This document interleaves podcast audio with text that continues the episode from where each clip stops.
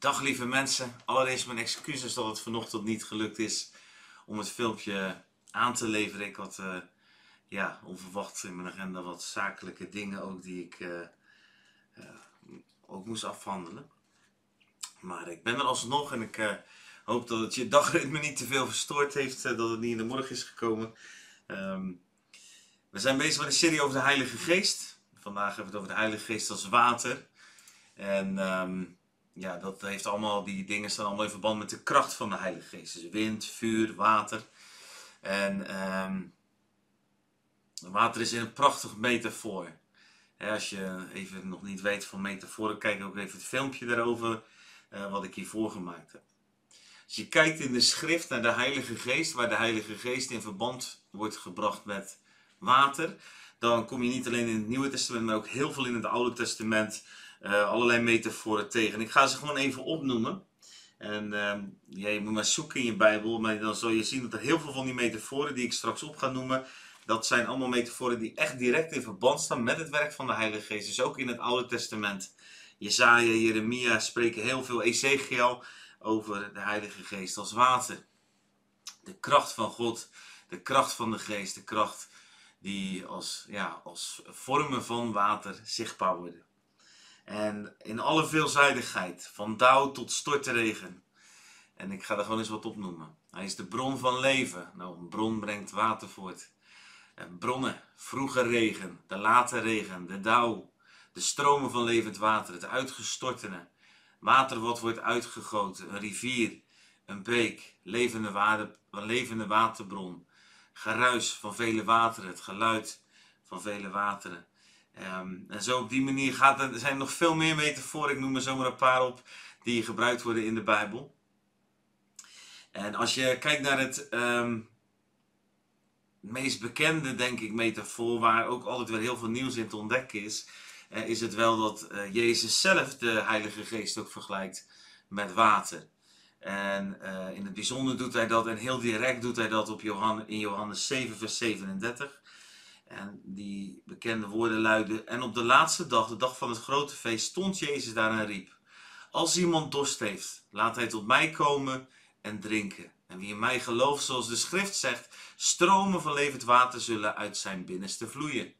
En dit zei hij over de geest, die zij die in hem geloven ontvangen zouden, want de Heilige Geest was er nog niet, omdat Jezus nog niet verheerlijkt was.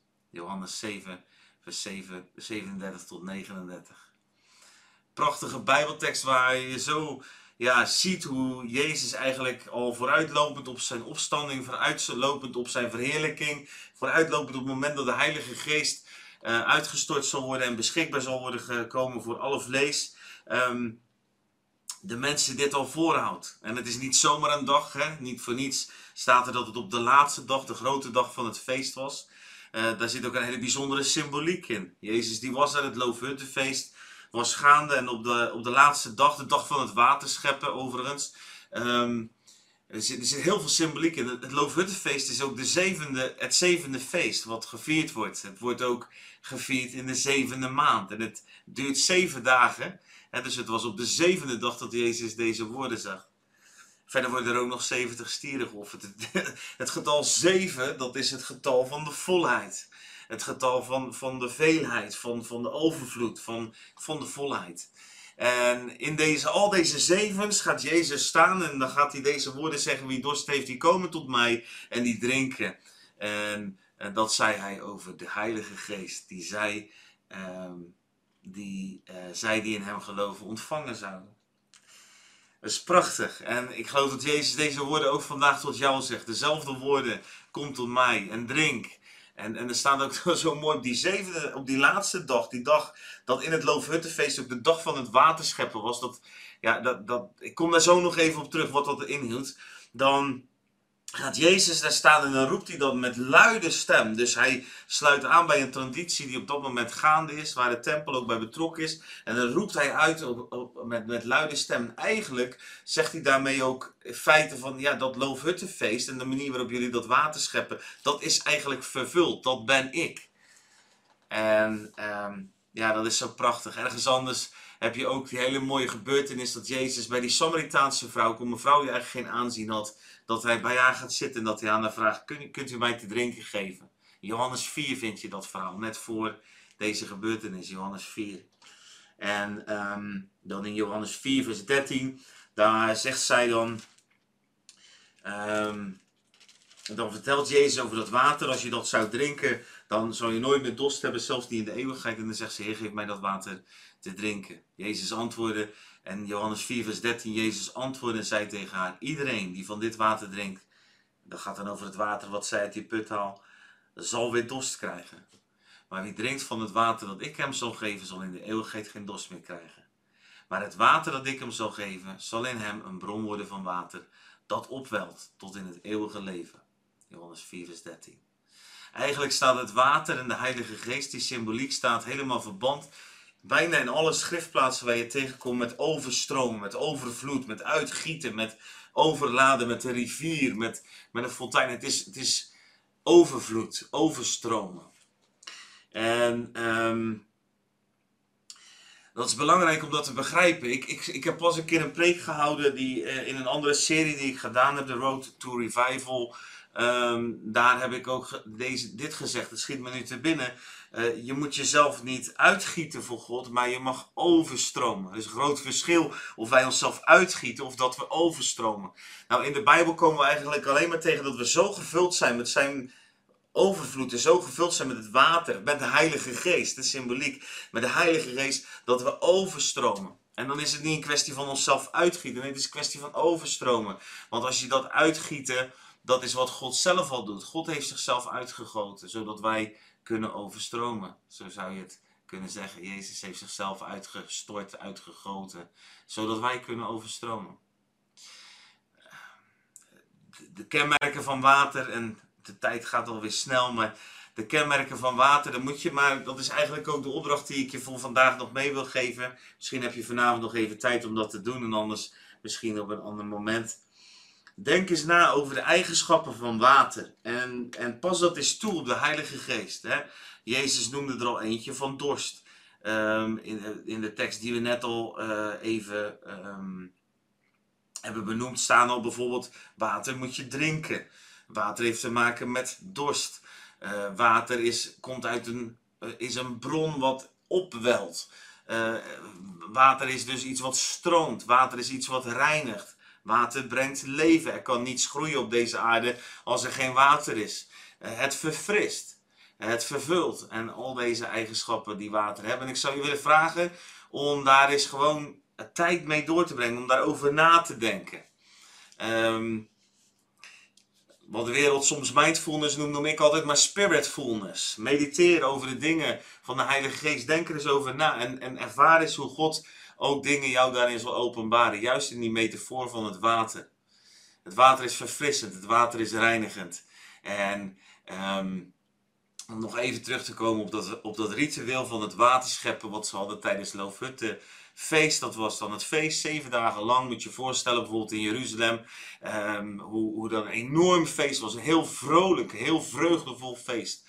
Uh, er zijn zelfs geschiedschrijvers die uh, zeggen als je de vreugde van het Loofhuttenfeest nooit hebt beleefd, dan uh, weet je niet wat vreugde is. Dat schrijven ze in brieven naar mensen die in andere landen wonen. Zo'n grote vreugde was er als het Loofhuttenfeest plaatsvond. En, en dat waterschep of dat waterdragen, dat vond plaats op de laatste dag.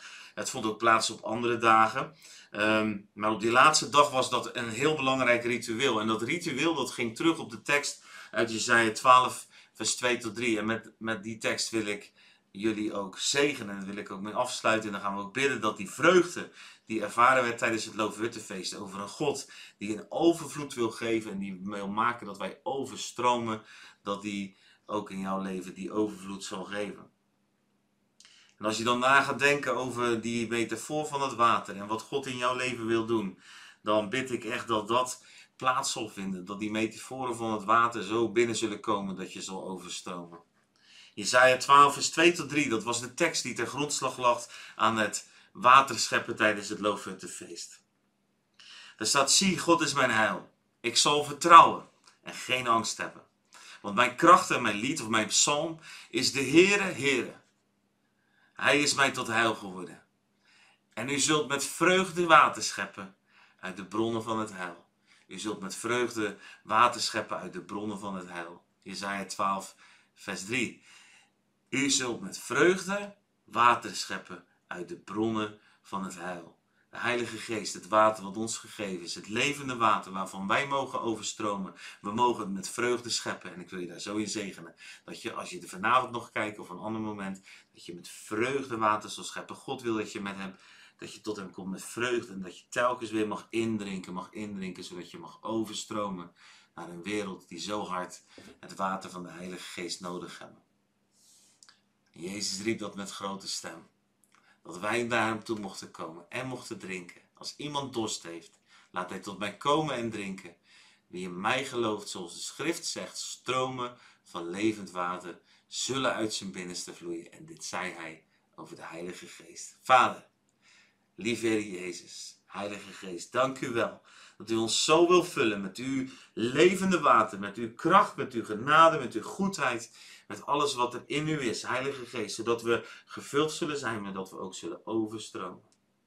Heer, en we willen tot u komen, we willen drinken, we willen drinken uit die bronnen van heil, we willen drinken uit Jezus. Dank u wel, lieve Heer Jezus, dat u het voor ons heeft verworven, dat u voor ons heeft volbracht en dat we mogen komen om te drinken. En Heer, als we misschien op dit moment het filmpje kijken en we hebben helemaal geen dorst, we ervaren dat we geestelijk helemaal geen dorst hebben, Heer, dan wil ik op dit moment wil ik die personen zo zegenen. Vader, dank u wel dat u het bent die, ja, de dorst, dat de, het Heilige Geest, dat u het ook bent die ook het willen wekt. Heer, en ik wil u zo aanvragen op dit moment om die dorst te verwekken in ons. Heer, dat we ervaren dat we soms ja, dat we zo een droogte in ons leven ook zullen ervaren. En, en dat bedoel ik op een goede manier. Lieve Heilige Geest, dat we die droogte, dat we ons bewust zullen worden van hoeveel plaatsen in ons leven er nog droog zijn. En waar het kracht en de, liefde en, en, en de verfrissing van de Heilige Geest nog plaats mag vinden. Vader, ik bid voor het water wat ons reinigt. Het werk van de Heilige Geest die heilig maakt. Heilig ons in uw waarheid. Heilig ons in uw woord. En vader, ik bid dat in ieder die uh, zal komen, die dit filmpje kijkt, dat bid ik dat in ieder zal komen en dat ze zullen drinken. Heer, en niet met, met somberheid en niet met droefheid, maar dat ze met vreugde zullen scheppen uit de bronnen van het heil. Met vreugde water scheppen uit de bronnen van het heil. En u bent de bron van ons heil. Heer, dank u wel voor uw eindeloze goedheid, uw eindeloze trouw, uw eindeloze liefde. In Jezus' naam. Vul ons, vul ons, vul ons. Heer, we komen tot u om te drinken, te drinken, te drinken. En vader, dank u wel. Ik vind het zo mooi dat u daar stond en dat u staat met luide stem. Heer, u maakte een statement tijdens dat Loofhuttenfeest. Het feest, de zevende dag waarin alle volheid tot stand kwam. Was u nog veel voller. U was meer. En u riep het uit met luide stem. Als het ware de aandacht van het ritueel af naar de relatie. Van het ritueel en de traditie van het waterscheppen af legde u de focus op de levende relatie. En zo willen we onze focus leggen op u, lieve Heer Jezus. En we houden van u. En we willen ons laten vullen met uw levende water, zodat we nooit meer dorst zullen hebben. En dat er altijd genoeg zal zijn in ons, voor ons. En voor de mensen om ons heen, door ons heen. In Jezus' naam, dank u wel. Amen. Amen. Ja, lieve mensen, ik word ook van een metafoor water heel enthousiast. En ik voel me aan alle kanten um, hoe Gods geest je wil, wil, wil enthousiasmeren, wil reinigen, wil heiligen, vruchtbaarheid wil geven in een akker die in jouw gevoel misschien soms dor is. En ik zegen je in de naam van Jezus dat je met de Heilige Geest naar Jezus zal gaan, dat je zult drinken uit die bron waar altijd genoeg is. Heel veel zegen.